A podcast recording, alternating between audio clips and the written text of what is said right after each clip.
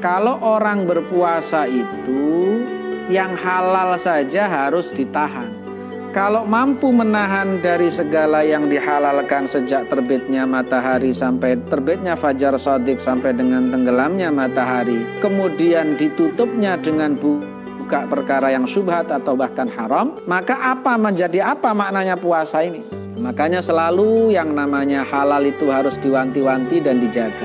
Kenapa? Karena halal ini menjadi pengaruh apa yang ada di dalam hati seseorang. Hati ini menjadi kunci semuanya. Ala inna fil jasadi mudghah. Idza saluhat saluha sairul jasad wa idza fasadat fasada sairul jasad. Ingatlah bahwa di dalam tubuh manusia itu ada segumpal darah. Kalau gumpalan ini bagus, maka semua anggota badannya akan bagus. Produk-produk yang dikeluarkan oleh badan ini juga bagus. Sebaliknya, kalau gumpalan darah itu rusak, maka anggota badan ini akan rusak dan produk-produknya menjadi tidak baik. Apa itu mudghah? Ala wahiyal qalbu.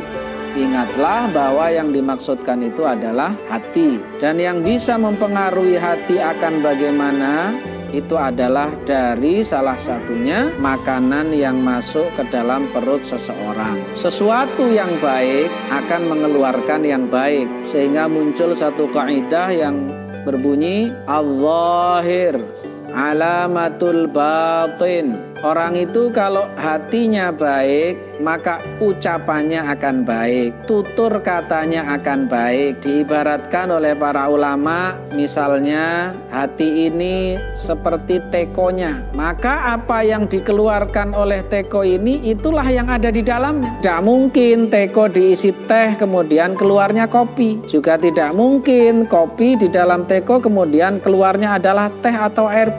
Apa yang ada di dalam itulah yang akan keluar.